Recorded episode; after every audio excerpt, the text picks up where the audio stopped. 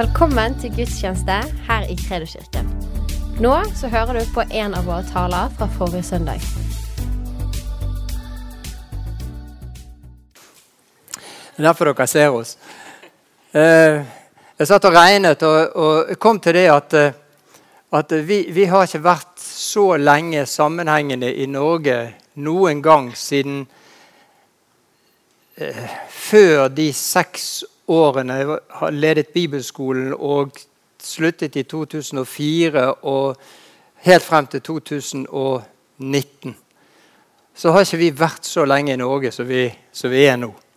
Men jeg kan trøste dere med én ting. Og det er at vi skal snart reise. vi, gjør, vi, gjør, litt sånn som så, sånn så Aron sa, at vi, vi, eh, vi, stoler mest på Gud. Og så litt mindre på eh, reiseråd. så vi har tenkt å ta oss en tur til Afrika om ikke så altfor brått. Og da, da er dere endelig kvitt oss. Da slutt å, slutt å spørre er dere her ennå. ja da. Så vi skal ut. Vi, vi, vi er jo eh, i den situasjonen at vi, vi, har jo egentlig ikke noe arbeid som er vårt. Vi arbeider bare med lokale kontakter. Og Det betyr at midt oppi denne pandemien og alt dette her, så er jo veldig mye av det som vi har hatt våre hender i, det, det har, har gått sin gang. Og det går bra med, med, en god del av det. Selv om de selvfølgelig i Afrika så har de også sine utfordringer. Sant? Det har jo vært eh, lockdown og lock-opening. så, så, det har vært liksom, det har gått fra det ene til det andre. Ja da, Men det er kjekt å være her. Kjekt å se forsamlingen her ovenifra igjen. Og jeg uh, syns det er kjempebra at så mange har, har tatt turen. Eh, egentlig så, så satt jeg her og tenkte på det at vi er en fantastisk menighet. For det at på dette søndagsmøtet her så er det minst fire generasjoner til stede. Minst. Sant? Altså, her er liksom fra de aller eldste til de litt eldre og til de midt imellom. Det kan godt være det er fem generasjoner til stede. For alt jeg vet. Men, men i alle fall helt fra, fra uh, oss seniorer til, til uh, babyene som vi er så glad for å ha på møte også. og det er helt fantastisk. Det er sånn en menighet skal være. Det, det, det, er tragisk når menigheter blir sånn at det er bare gamle folk. Eller eh, til og med det motsatte. At eh, når det er sånne menigheter som bare består av ungdommer, så det, blir det litt feil, det også. For vi trenger hverandre i generasjonene. Så eh, halleluja. Vi må se på klokken. jeg har det med å preke lenge. Men jeg, har tatt en Per Ove i dag og har skrevet ned alt som jeg skal si på, på på fire ark. Jeg har aldri hatt et så langt prekenutkast noen gang i mitt liv. Fire ark. Eh, jeg skal snakke om noe som plager oss alle sammen. Og så skal jeg snakke om løsningen på det. Og Det, sånn, det, det som plager oss, og som jeg da kommer til etter hvert, det er noe som eh, For noen er det sånn, sånn, mer eller mindre at det plager oss hele tiden. Og For noen andre så er det sånn at det, det, plager oss bare av og til. Det kommer mer som sånn attakker, om vi skal kalle det for det. det sånne angrep. Sant? Plutselig så er det bare der som en tanke og, og som en følelse. Jeg har en kopp hjemme. Jeg skulle, skulle ha tatt den med og vist den. Helt, helt sprø, med en sånn helt sprø tegning på av en helt ko-ko fyr med øynene liksom sånn på skeiv og alt sånt. Men det står et budskap på den koppen Så jeg har fått av av en av mine mange døtre. Og der står det på engelsk på den koppen I am good, says the mirror. Altså Sant? I'm good. Jeg er bra. Jeg er god, sier speilet. Og Det som jeg skal snakke litt om, det er nettopp speilet. Hva speiler vi oss i? Hvilket, hvilket speilbilde er det vi skuer inn i? Altså, mange av oss er helt sikre på dere, Det er ikke bare meg som har det på den måten. Men altså, av og til vet du, du, du liksom kommer på badet sant? og så ser du deg sjøl i speilet der så tenker du Heierne for en sløkke type. Sant? Eller, eller, noe i den duren. Sant? Altså, herlighet. Sant? Altså, går det an å være så teit? Jeg er helt sikker på Alle som ler nå, de, de, de kjenner seg igjen i det her. Sant? Sant? Alle, alle, hver eneste en kjenner seg igjen i det der. Altså, du, du ser deg i speilet, sant? Og, så, og så tenker du Uff a meg. Sånn. Jeg skulle vært annerledes. Jeg skulle sett annerledes ut. Jeg skulle vært annerledes, jeg skulle gjort andre ting. Jeg skulle vært bedre på det, flinkere til det, alt mulig annet enn det du egentlig er. Eller sånn som du egentlig ser deg sjøl i det speilbildet. Være enda litt mer candid, som det heter på engelsk. Og det, av og til vet du hva jeg gjør? Jeg geipa til meg sjøl. Sånn, mm, I speilet. tenker jeg sånn, når, når, du får sånne angrep av at 'nå er du teit', eller 'du har vært teit', eller et eller annet sånt Jeg lærte av mine foreldre at ærlighet varer lengst. Og, og, men altså, det er noe med det der speilbildet som, som, som er avgjørende for hva og hvordan hva Gud skal bruke oss til, og hvordan Gud skal bruke oss hvor nyttige vi blir for Gud, har veldig mye med å gjøre hvordan vi ser på oss selv. Sånn, altså, vi, vi, vi, vi, har lært, i hvert fall har jeg lært det, at uh, salvelse og karakter det må gå hånd i hånd. Sånn? Altså, du kan ikke være bare salvet, du må ha en karakter som bygger opp om den salvelsen også. Og så kommer jo selvfølgelig da kunnskap på toppen av det. Sant? Du må ha kunnskap så du kan vite hva du holder på med sant? og hva du sier osv.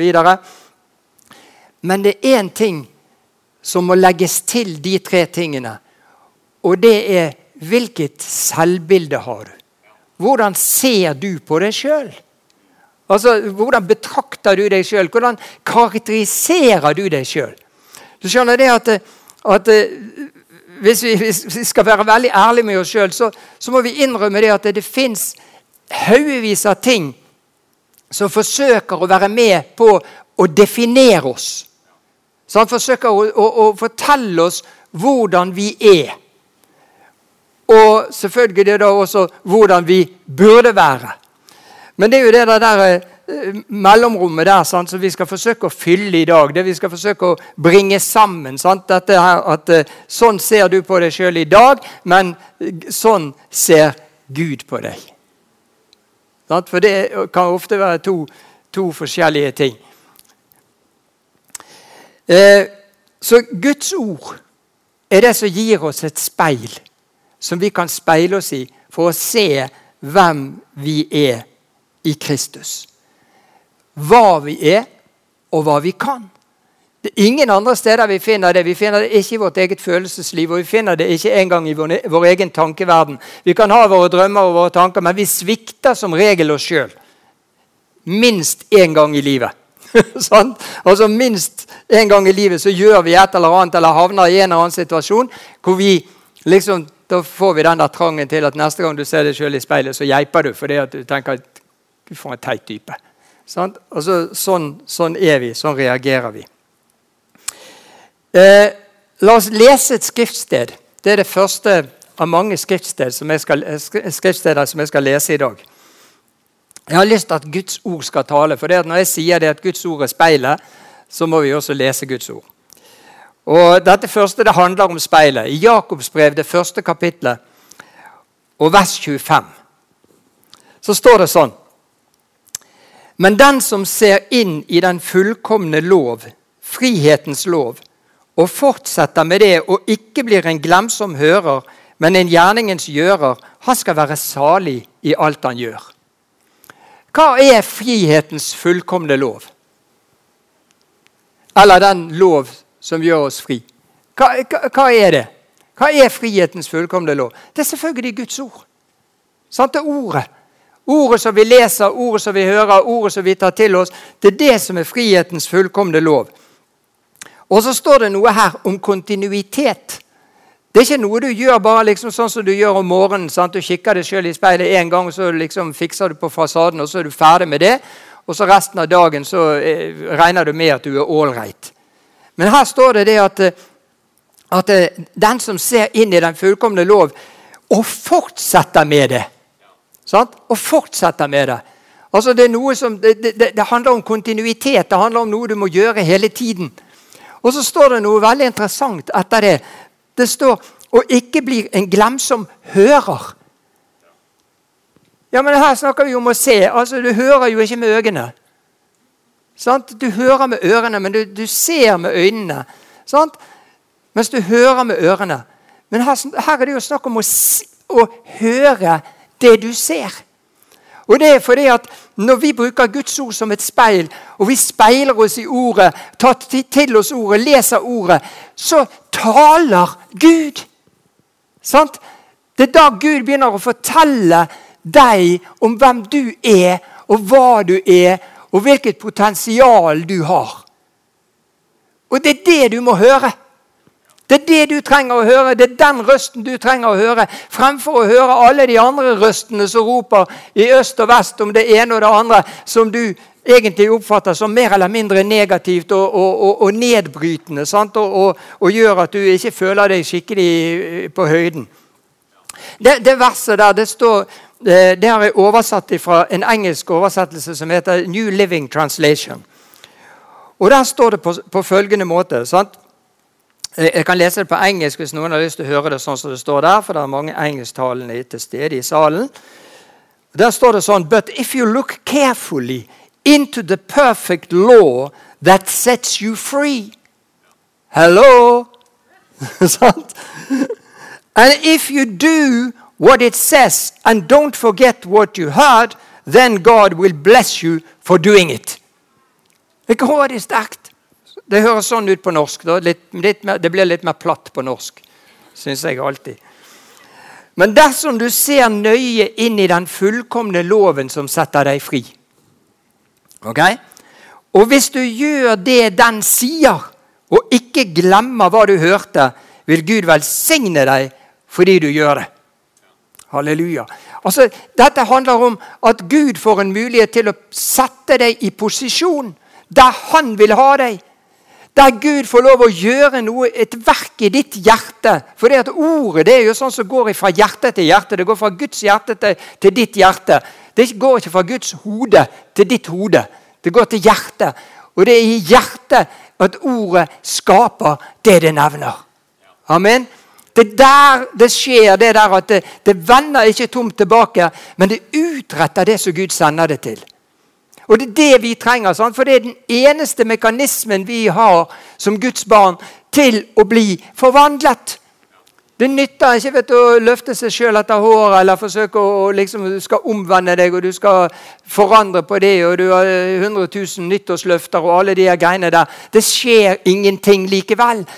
Det som gjør at det skjer noen ting med oss, det er at Guds ord får gjøre sin gjerning i oss. At ordet får lov å gå inn i hjertet og skape det det nevner. Gjøre det som du hører. Sant? At vi begynner å gjøre det som vi hører, istedenfor å liksom bare gå rundt og tenke andre tanker. Tanker som egentlig er fullstendig feile. Og så er det en annen ting med det speilet. og Det, det står i 2. Korinterbrev 3,18.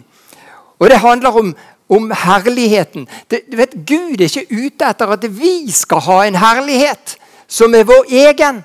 At liksom vi skal briske oss. Se her, Se hvor god jeg er! Jeg er så flink! Jeg kan det! Og jeg gjør det!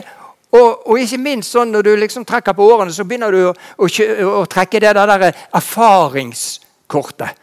Jeg er så erfaren. Dette her har jeg gjort 100 000 ganger før, så det trenger, det trenger, jeg trenger ikke å be engang. For det er det der vet jeg hvordan det skal gjøre. Da er du ute å kjøre. Sant? Men hør hva det står her i dette verset. 2. Korinterbrev 3,18.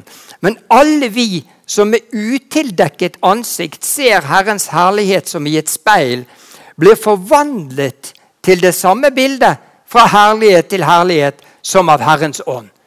Altså Det skjer en forvandling med oss. Sant? Altså Vår herlighet forsvinner, og Guds herlighet kommer istedenfor. Jeg vet hva jeg velger. Sant? Altså, det, det, det, er, det, er den herligheten som gjenspeiles fra Herren som, som, som gjør at vi òg blir et speil. Sånn at Vi reflekterer Guds herlighet, og folk kan se Guds herlighet i oss. Smith Wigglesworth vet du, han, kunne, han, gikk bare inn på toget han, og så satte seg ned, og så begynte folk å komme i syndenød.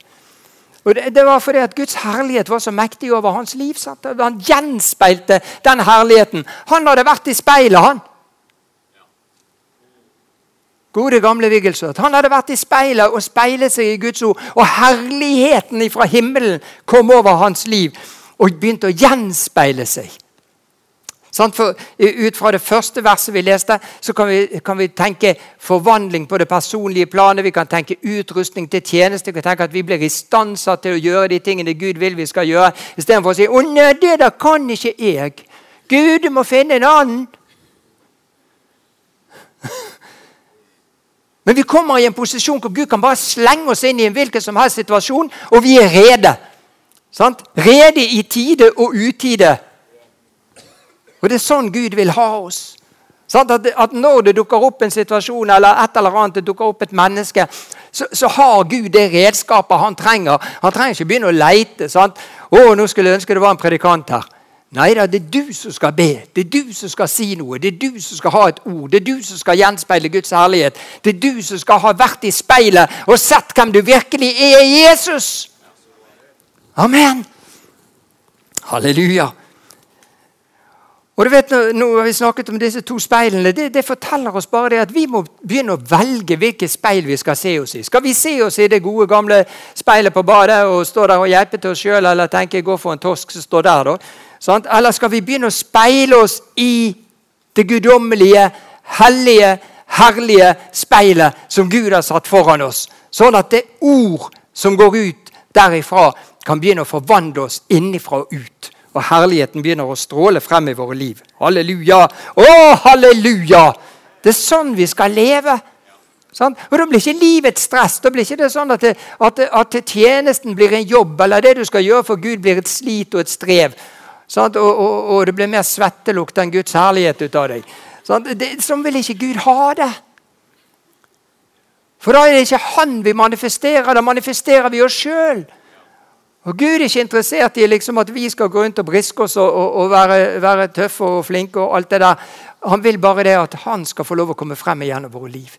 Og Når det skjer, så skjer også de tingene som Gud har planlagt skal skje ut ifra våre liv. Amen. Da blir det spennende å være en kristen. For Da begynner det å skje ting som vi aldri hadde tenkt var mulig. Sant? Og alle disse her herlige tingene kan, kan begynne å skje. Som vi lengter etter. Halleluja. Paulus han sier i 2. Korinterbrev 4,18 noe, noe interessant. Han sier det at eh, vi har ikke det synlige for øyet, men det usynlige. For det synlige tar slutt, og det usynlige er evig. Og det er jo, Mange ganger så er det jo det synlige, det vi ser, det som vi oppfatter med våre fysiske sanser. Ikke bare det synlige, men det hørbare og det følelsesmessige og alt det som definerer oss som mennesker. Og, og, og, Vi hører det fra oss sjøl, kommer inn fra, fra, våre egne tanker og følelser. Og vi hører det fra andre. Sant? Og så blir det et sånt slit. For det der får vi ikke riktig kontroll på, vi får ikke seier over det, og vi, og vi sliter med det. Men, og, Derfor kan vi si med Paulus her at la, la, oss ta øynene vekk fra det synlige. Det synlige det er i denne sammenhengen her, det er måten vi ser på oss sjøl. Det naturlige mennesket. Sånn som du ser deg sjøl. Det, det, er det synlige. Og Paulus sier det at vi har ikke det synlige for øyet. Har, det, det, det, tar slutt, det. Men det usynlige, altså det som kommer ifra Herren Det usynlige verket som Gud gjør på innsiden av oss, det er det som forvandler oss og former oss til å bli den som Gud vil at vi skal være. Halleluja! Amen.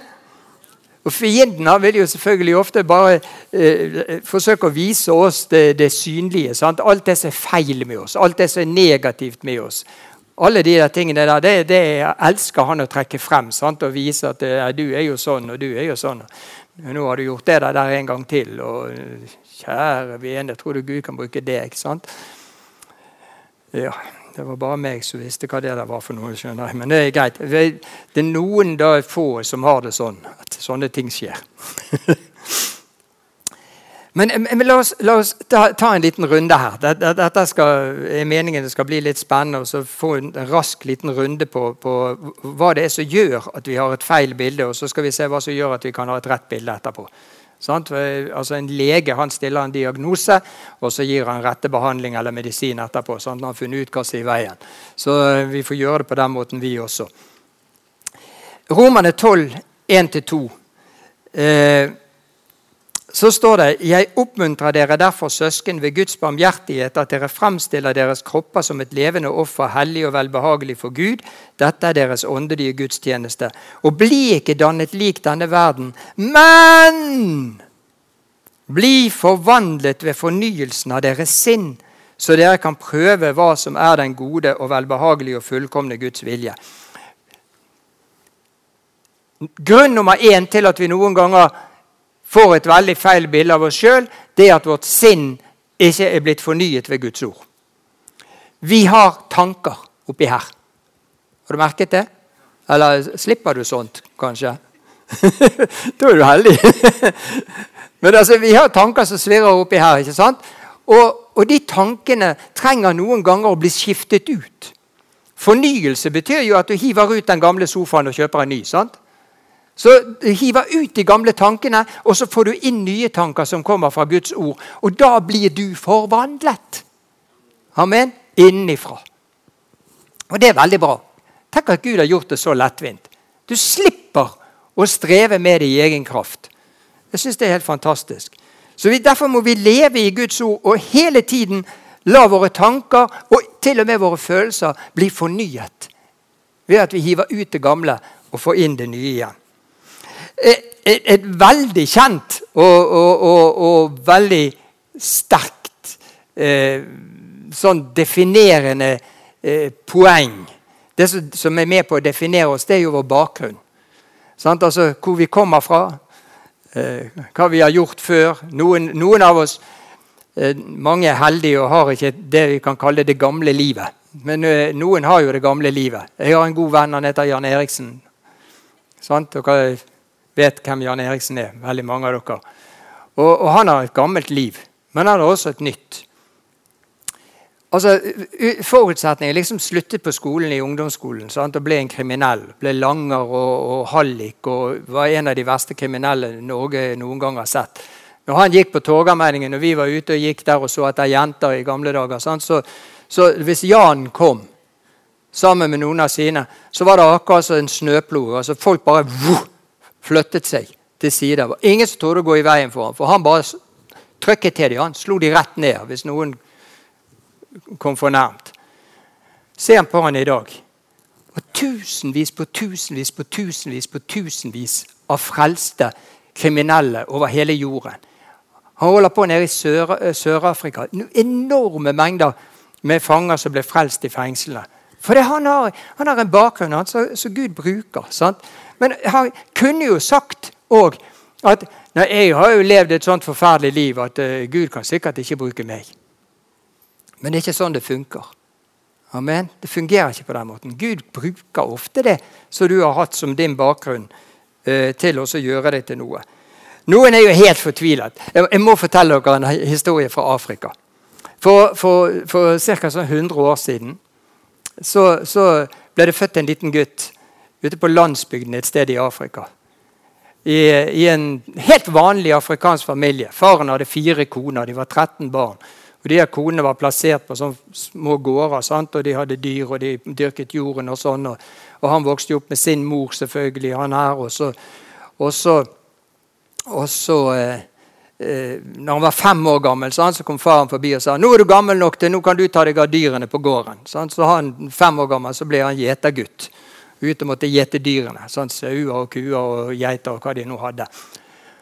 Og eh, Så ble mor en kristen. Hans mor. Sant? Jeg vet ikke hvordan det var med de andre konene, men hans mor i hvert fall. Faren ble det ikke. Faren var en slags sånn høvding, men han ble sparket fra den jobben fordi det var noe med en okse som hadde gått og beitet et sted han ikke skulle, og noe greier, og stammen satte seg ned og sa «Du det er ikke noe høvding lenger. Og den høvdingtittelen den skulle jo gå i arv, da, selvfølgelig. og alt dette. Men det ble ingenting av. Så den familien endte jo opp i ganske sånn uh, solid fattigdom og, uh, og ble sånn helt vanlig, vanlig familie. Uh, men så når mor ble, ble en kristen, da, så, så, tok hun jo med seg han den lille fyren til, i kirken. Og, og, der var han og, og var nå med på og greier og sånn. og, og jeg tror han ble døpt òg, faktisk. Og så, så, En dag så kom der en fyr fra kirken hjem til dem, og så sier han det at det, han av den lille tassen der, han, han, han, han, hadde trengt å gå på skole. Faren hadde jo ingen planer om å sende ham på skole. i Det hele tatt. Det var jo ikke et snakk om at han skulle på skole. Og og, eh, men moren hun var litt mer oppegående, så hun sa ok, vi, vi, vi skal forsøke å ordne det der. Og så, så hun fikk nå overtalt faren til å gå med på det, da, at han skulle få lov å begynne på skolen. Men han hadde jo ikke klær. Sånn, altså, de sprang jo rundt bare med sånne tøystykker rundt seg. Og, og Faren syntes det var skammelig. Han kunne ikke gå på skolen uten klær. Men de hadde ingen klær, og de hadde ingen penger til å kjøpe klær for. Så faren han tok en bukse, sin egen bukse, og så klippet han den av med knærne. Og Da ble han sånn passelig i lengden. Men han sto jo ut her. Så, så, han måtte finne en hyssing, og så tauet han rundt livet på han, og så knøt en flott sløyfe og sendte han av gårde på skolen. Det der kan vi kalle for 'humble beginnings'. Sant? Altså Det der er en, en bakgrunn så liksom Du tenker ja, det, kan, det, kan det der mennesket der bli til noen ting?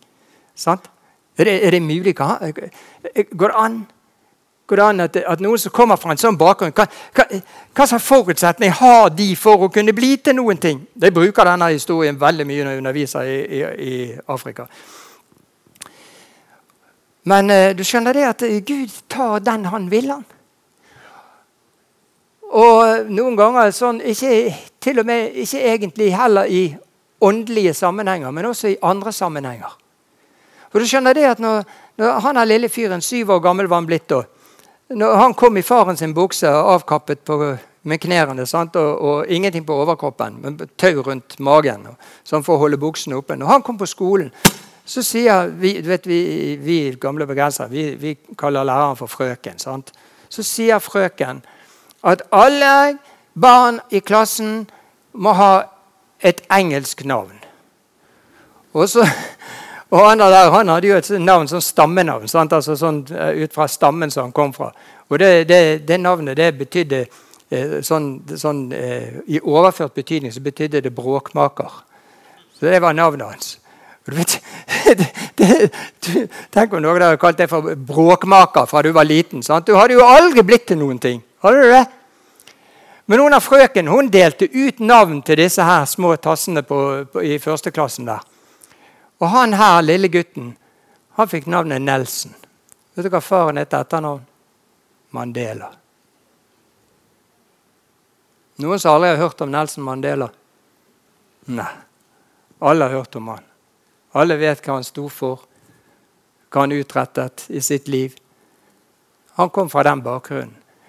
Og Grunnen til at jeg forteller det, det er at jeg sier Kom ikke her og si, sånn som Gideon Jammen, jammen, jammen, kan ikke du bruke en annen gud? Jeg kommer fra den minste familien. Det er ingen i min familie som var frelst før. Og, og ingen som kunne det, og ingen som har gjort det, og ingen har gjort noe til ingen, ingen, ingen. Og så, og så er det så smått, og det er så trått. I gamle dager så, så, så, ertet jo vi folk som kom fra Strilalandet. For det at vi tenkte, de har jo ikke forutsetninger sånn som oss som bor i byen. Jeg er så gammel jeg kan si det. Uten å få på trynet etterpå. Men det, men hør, vi må få vekk de der begrensningene! Det er jo det som er saken. Sant? Det er ikke komme med alle slags unnskyldninger fremfor Gud. Herlighet! Tenk på alle de som Gud har brukt opp gjennom årene. Hæ? Tenk på alle de menneskene Gud har brukt opp gjennom årene som ikke hadde naturlige forutsetninger for det. Jeg kunne nevnt en hel haug, men nå skal jeg ikke gjøre det, for tiden går så fort. En annen ting som hindrer oss veldig også, det er de feilene vi har gjort det er at vi går rundt og lever i fordømmelse. Herlighet! Kanskje dere leser Romerbrevet 8, 1 og 2? Sånn? For det er ingen fordømmelse for den som er i Kristus Jesus. Fordømmelse hører ikke til hos kristne. Hvis du har gjort en tabbe, og du har vært innenfor nådetronen, og du har sagt til Gud 'Jeg gjorde den feilen der, Gud. Nå ber jeg at du tilgir meg.' Så står det faktisk i Skriften at han tilgir og renser. Sant? Altså Han gjør begge deler. Han fjerner det fullstendig. Så, så, Hvis du liksom går etterpå og så går rundt og sier det, 'Ja, men Gud, du vet jo at jeg gjorde dette her den gangen.' Nei, sier Gud. Det kan ikke jeg huske. For det ligger begravet i glemselens hav. Det er borte vekke. Sant? Gud husker det ikke lenger. Så ikke vær så dum at du går rundt med fordømmelse. Men husk at du er tilgitt. Tenk på David. Det er vel ikke så veldig mange her inne som har gjort samme eh, tabbe som David gjorde. Eh? Noen som har drept en fyr for å få tak i kjerringen hans? Hallo? Noen her? Opp med hånden. Eller motsatt. Drept en fyr for å få, eller drept en kjerring for å få tak i fyren? Nei, det tror jeg ikke. Men vet du hva? Det står at David var en mann etter Guds hjerte. Hvorfor var han det? Jo, fordi han omvendte seg. Sånn, altså, han, han, fikk tilgivelse. Han gikk ikke rundt og var fordømt. Han, var, han ble konge, han. Og til og med inn i slekten til Jesus. Halleluja. En annen ting er det at vi noen ganger så får vi et helt feil bilde av oss sjøl fordi at vi behandler eller forstår ikke vårt potensial det som Gud har lagt ned i oss. Det er et grådig hinder for veldig mange mennesker. At ikke du kan tro på at Gud har lagt noe ned i deg som han skal bruke. Hallo! Hør etter nå! Sånn, altså, tenk på hun der enken. Jeg, jeg, jeg, leste om hun her rett forleden. Hun er enken som Elisha kom hjem til. og så, så, så så De holdt på å selge sønnene til slaver fordi at hun hadde gjeld. Og så, så spør Elisia, hva har du i huset? Og det spørsmålet stiller Gud deg i dag også. Hva har du i ditt hus? I ditt åndelige hus? Hva har du der? Hva for noe potensial har du? Og du kan tenke deg at det er nå ikke så veldig mye. Sant? Hun sa det. Å, nei, jeg har bare liten, et lite krus med olje. Det er ikke så veldig mye, det. Hva gjorde profeten? Han sa sett frem alle krukker du kan få. Gå ut og lån og få tak i alle slags kar du kan få tak i, for nå skal disse fylles. Halleluja. Sett karet ditt frem, så Gud kan få fylle det! Amen. Og så kan du få lov å flytte over etterpå og fylle alle andre mennesker sine kar òg. Ikke alle, men i hvert fall noen menneskers kar. Og så må vi slutte i det minste å tro på hva vi tenker at andre mener om oss. Slutt med det tullet. Altså alvorlig talt. Noen ganger så dikter vi oss historier. Ja, han mener sikkert det om meg. Og hun tenker sikkert sånn om meg. Har du spurt de? Har du spurt? Hæ? Har du sjekket om det virkelig er sånn? Altså, også, vi lager oss så mye rare forestillinger. Men vet du hva? Det er Guds mening som teller. Halleluja. Nå skal jeg ta en kjapp oppsummering, for nå går tiden grådig fort her. Men vi er ikke så veldig mange, da blir det ikke så veldig mange som skal bes for etterpå. og alt det der. Så stat statistisk sett så kan jeg holde på bitte litt lenger. Det første er dette. Halleluja. Vet du hva? Du Eller jeg skal, jeg skal si vi. Må ikke, dere må ikke tro at jeg er bedre enn dere. Men vi er konger og prester. Amen.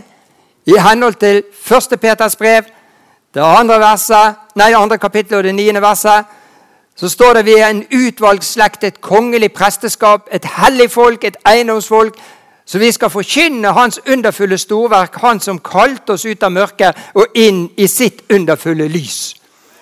O, halleluja! Det står ikke der at vi skal bli. Dere er, står det der. Eh, kan du litt grammatikk? Er det presens? Det er nåtid. Sant? Er du med på det? Sant? Så Da er den saken der klar. Da. da er du en konge, og du er en prest.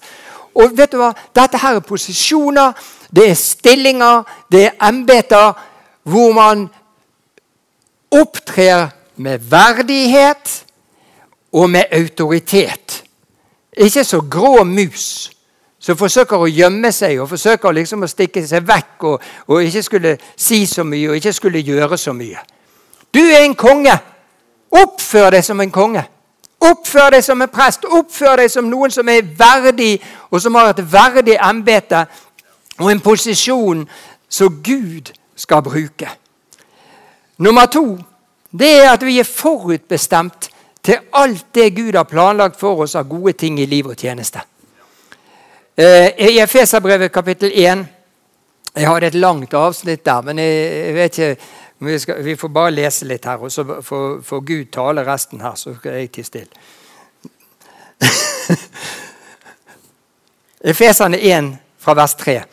Lovet være vår Herre Jesu Kristi Gud og Far. Han har velsignet oss med all åndelig velsignelse i den himmelske verden i Kristus. Altså, Hallo i luken. Du er velsignet! Du er velsignet. Å, Jesus, vil ikke du velsigne meg? Du er velsignet! Sant? står her. Slik som han utvalgte oss i ham før verdens grunnvoll ble lagt. Du er utvalgt. Hallo? Hørte du den? Sant? Du er velsignet, du er utvalgt. Ingen grunn til å være beskjeden her. Eh, han utvalgte oss i ham før verdens grunnvoll ble lagt, for at vi skulle være hellige og ulastelige framfor ham i kjærlighet. Ved Jesus Kristus har han forutbestemt oss til barnekår hos seg, etter sin viljes gode velbehag. Til pris for sin nådes herlighet, ved den tok han oss til nåde i den elskede. I ham har vi forløsningen ved hans blod, tilgivelse for overtredelsene etter hans nådes rikdom. Du skjønner Det det er den av den nådens rikdom. Det er den vi må inn i for at vi skal kunne bli forvandlet og få et forvandlet selvbilde. Vi må skjønne det at det er ikke sånn at vi skal prestere noe, vi skal vise Gud hvor god vi er. Nei, det er Gud som skal vise oss hvor god Han er! Gjennom sin nåde som han utøser over oss. Sin nådes rikdom. Det er bedre enn å vinne i Lotto. Sant? Og få del i den rikdommen der. Og tenk det at, at, Uansett hvordan jeg er, hva jeg er, hvor jeg kommer fra, og, og, og, og hva jeg etter mine egne begreper kan og, vil og tenker og alt sånt om meg sjøl, så er det Gud som ved sin nåde gjør det han vil i og gjennom mitt liv. Nå, og punkt tre vi er satt i en seiersposisjon. Tenk på det. Satt i en seiersposisjon. I Efesene 2 så står det fra vers 4 men Gud er rik på miskunn, og på grunn av sin store kjærlighet som han elsket oss med, gjorde han oss levende sammen med Kristus da vi, da vi var døde i overtredelsene. Av nåde er dere frelst. Bare sånn for sikkerhets skyld. også bare sånn du skjønner det. Og han oppreiste oss sammen med ham og satte oss sammen med ham i den himmelske verden i Kristus. Halleluja. Det er din åndelige posisjon. Satt i himmelen med Kristus. Ikke satt på badet foran speilet så du skulle se på det trøtte trynet ditt og så tenke all slags negative tanker om deg sjøl. Ok?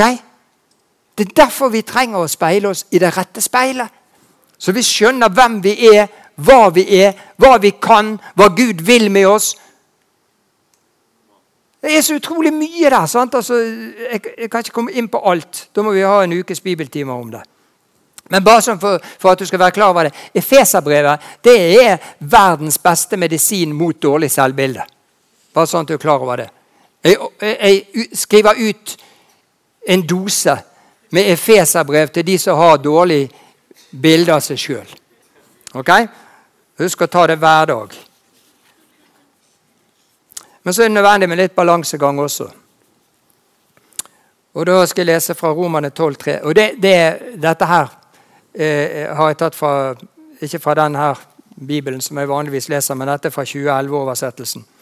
Så står det ved den nåde jeg har fått, sier jeg til hver enkelt av dere, tenk ikke for store tanker om deg selv, men tenk sindig.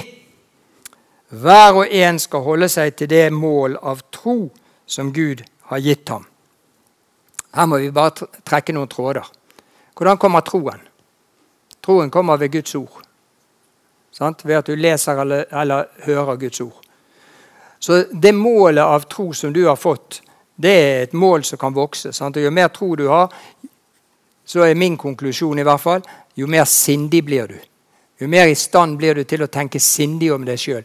At ikke du har for høye tanker. Det, det, det er veldig interessant å, å, studere kirkehistorie og menighetshistorie og hva som har skjedd opp gjennom årene med forskjellige eh, menigheter og tjenester. Men de, de, som ble til noe i Guds rike, det var ofte de som ikke gikk rundt og tenkte høye tanker om seg sjøl. Ikke gikk rundt og proklamerte 'nå skal vi gjøre det', og 'nå skal du bare si 'å, vi skal gjøre sånn'. Sant? Men det var de som bare liksom stille og rolig holdt på med det som Gud ville de skulle holde på med. Et godt eksempel er Arild Edvardsen. Så han bare holdt på med det han skulle holde på med. han. Og, og, og, det vokste og det vokste og det vokste og det vokste og det vokste, og det ble verdensomspennende. Så, så, så det, det, er en veldig, veldig viktig, viktig ting. Sant? Og det motsatte har skjedd veldig mange ganger også. At de som virkelig trodde de var noen ting, de måtte Gud sette på plass. Og det er trist og leit. Så, så, hva sier Guds ord? Tenk sindig. Tenk sindig om deg sjøl. Ikke ha for altfor høye tanker. Du skal, ha, du skal ha dine åndelige ambisjoner. De må du få lov å ha. Og de tankene og det kallet og den ledelsen som du opplever at du har fått fra Gud, den må du ta vare på. Men du skal ikke tro at du er noen ting. Sant?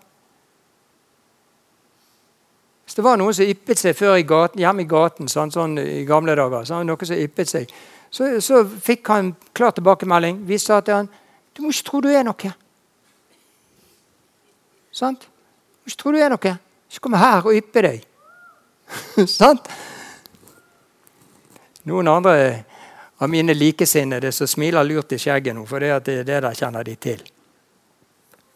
Men hør en ting. Vi kom til konklusjonen her. Halleluja. Er du klar for litt forvandling? Er du klar for å bli kvitt det der trøtte trynet så, så du blir fristet til å hjelpe til? Det er tankene om liksom at eh, jeg kan ingenting, jeg vet ingenting, og jeg har ikke lyst til noe. og Gud kan ikke bruke meg. Og, uff, hvorfor alle så mye bedre enn meg? Det er de bare ikke, altså. Bare sånn at du vet det. Det er ikke sånn at alle bare eh, Folk kan være forskjellige, folk kan være annerledes. Folk kan ha annerledes, eller, eh, en annerledes tjeneste eller forskjellige oppgaver i Guds rike f.eks. Men bryt nå med denne der sammenligningens forbannelse i Jesu navn. Ikke gå rundt og tenk på at alle andre er så mye bedre enn meg. For det er de ikke. Men hør. Neste gang du hører en sånn antydning om at du ikke strekker til, så la Guds ord få tale inn i ditt liv. Sånn? Speil deg i ordet. Sånn? Det, husker det vi leste fra begynnelsen av? At det du da hører, det som Gud lar deg høre, det som kommer hørbart ut ifra ord, du, du liksom hører det med dine, egne, nei, dine indre ører, at dette er noe Gud taler til meg, det skal du ta vare på i ditt hjerte. Og det skal du gå på, og det skal du stå på, og det skal du leve på. Amen. Halleluja. Speil deg i Skriften, så kommer herligheten. Husker du vi sa det? Så den herligheten som fins hos Gud, den blir gjenspeilt over deg sånn Bare kjenner noe sånn mykt og godt som bare kommer. Og så går du bare rundt i Holder på med dine vanlige ting, og så plutselig så så er det bare sånn at eh, noen legger merke til Hva er det med han der? Hva er det med hun der? Hvorfor er de der annerledes? Hva er det liksom, hva er det jeg kjenner? Jeg blir, liksom så, jeg blir, så, jeg blir så, rar når jeg kommer i nærheten av, det, av, den personen. da. Så får du lov å være med på å forvandle andre, menneskers liv. Kanskje til og med før du har fått sagt ett eneste ord. Tenk på det. Halleluja. Mennesker begynner å åpne seg. Begynner å lengte, begynner å kjenne. Du, 'Kan jeg få snakke litt med deg?' Så kommer de der anledningene til samtale. Jeg, 'Hva er det med deg? Hvorfor er du så annerledes?'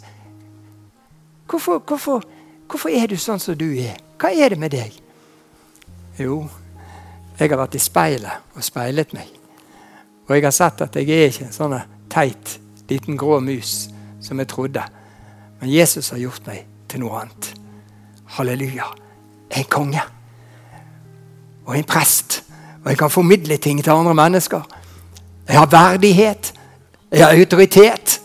Jeg har en posisjon som Gud har satt meg inn i. Og den vil jeg leve i, den vil jeg gå i, den vil jeg vandre i. Halleluja. Ikke bare for min egen del, kanskje minst av alt for min egen del, men for deres del som Gud sender i min vei. Skal vi ta og reise oss? Jeg får lov å be en bønn for dere. Kan jeg få lov til det? Halleluja. Jeg gjør det uansett. For nå er det meg som har mikrofon, så da kan jeg gjøre det jeg har lyst til. Halleluja. Nå er det klart at På dette området her så har vi forskjellige behov. Noen lider under dette her med mindreverd og, og dårlig selvbilde sånn mer eller mindre kontinuerlig. Skal ingen begynne å rekke opp noen hender eller bli tatt ut eller noe sånt på noen som helst måte. For det, vi trenger det her alle sammen. Så, så, de fleste av oss har dette her som sånne der attakker. Plutselig boom, kommer det en tanke. Du er jo helt dust. Sant? eller et eller annet sånt i den duren. Eller, eller, den der fortvilte følelsen av at jeg, jeg tror ikke jeg strekker til. Men du strekker til. Halleluja. For du har en Gud i himmelen som ønsker å gjenspeile seg gjennom ditt liv. Og han er mektig. Ikke bare mektig, han er allmektig. Halleluja. Herre, vi bare priser deg. Takk for at du taler inn i våre liv, Herre. Og vi vet at dine ord, Herre, og det som du taler, det skaper forvandling. Det gjør noe med oss, Herre. Takk for det du har gjort med meg, Herre. Takk for de tingene du har talt inn i mitt liv, Herre. Men jeg ber at du skal også tale til oss alle sammen. Skape den forvandling som noen av oss trenger, så vi kan bli til det du vil vi skal bli til. Halleluja. Vi er glad og takknemlige for alt hva vi er blitt brukt til, Herre. Alle de tingene vi har fått gjøre for deg. Alt vi har fått være med på, Herre. Vi priser deg for det. Og vi gir deg æren for det, Herre, for det er bare du som kan gjøre det. Vi vet at uten deg kan vi ingenting gjøre. Men nå ber vi, Herre, at vi skal bli enda flinkere til å ta frem det rette speilet. Når tanker kommer, når følelser dukker opp i vårt indre, når begrensningene liksom melder seg, og vi tenker 'nei, det kan jeg ikke', så la oss gå til ditt ord, Herre, og la oss få speile oss i ditt ord. Og tenke på alle de personene som ikke hadde noen forutsetninger, men som du brukte, Herre, på en mektig og vidunderlig måte. Og la oss ha de som forbilder, Herre. Kjenne det at det du gjør for et menneske, det kan du gjøre for andre òg. For du gjør ikke forskjell på folk. Takk, Herre, at vi får lov å ta imot dette her fantastiske herlighetsspeilet fra deg. Og la oss få nåde til å bruke det, Herre dag for dag. I Jesu Kristi navn. Amen. Mens vi står sånn og er fremdeles i dette, denne bønneatmosfæren, så vil jeg spørre hvis du, hvis du er her i dag og, og du kanskje aldri har tatt et sånn bevisst steg om at du vil følge Jesus du vil at han skal få være herre i livet ditt. Du vil at han skal få lov å styre livet ditt, sånn som vi har eh, delt om her i formiddag. Hvis, hvis du er her og har det på den måten, så, så bare, bare, gjør et sånn lite signal med hånden. Sånn, liksom sånn, såpass at jeg kan se det. Sånn at vi kan få bedt med deg. Og at du kan få del i dette fantastisk herlige livet som vi har snakket om i dag.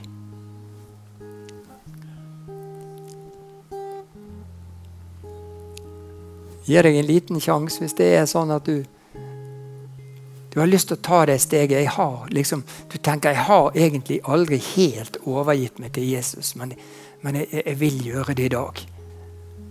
Nå har du anledningen.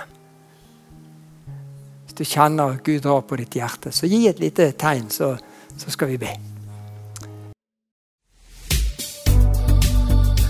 Tusen takk for at du lyttet. Følg oss gjerne på Instagram og Facebook og så snakkes vi neste uke.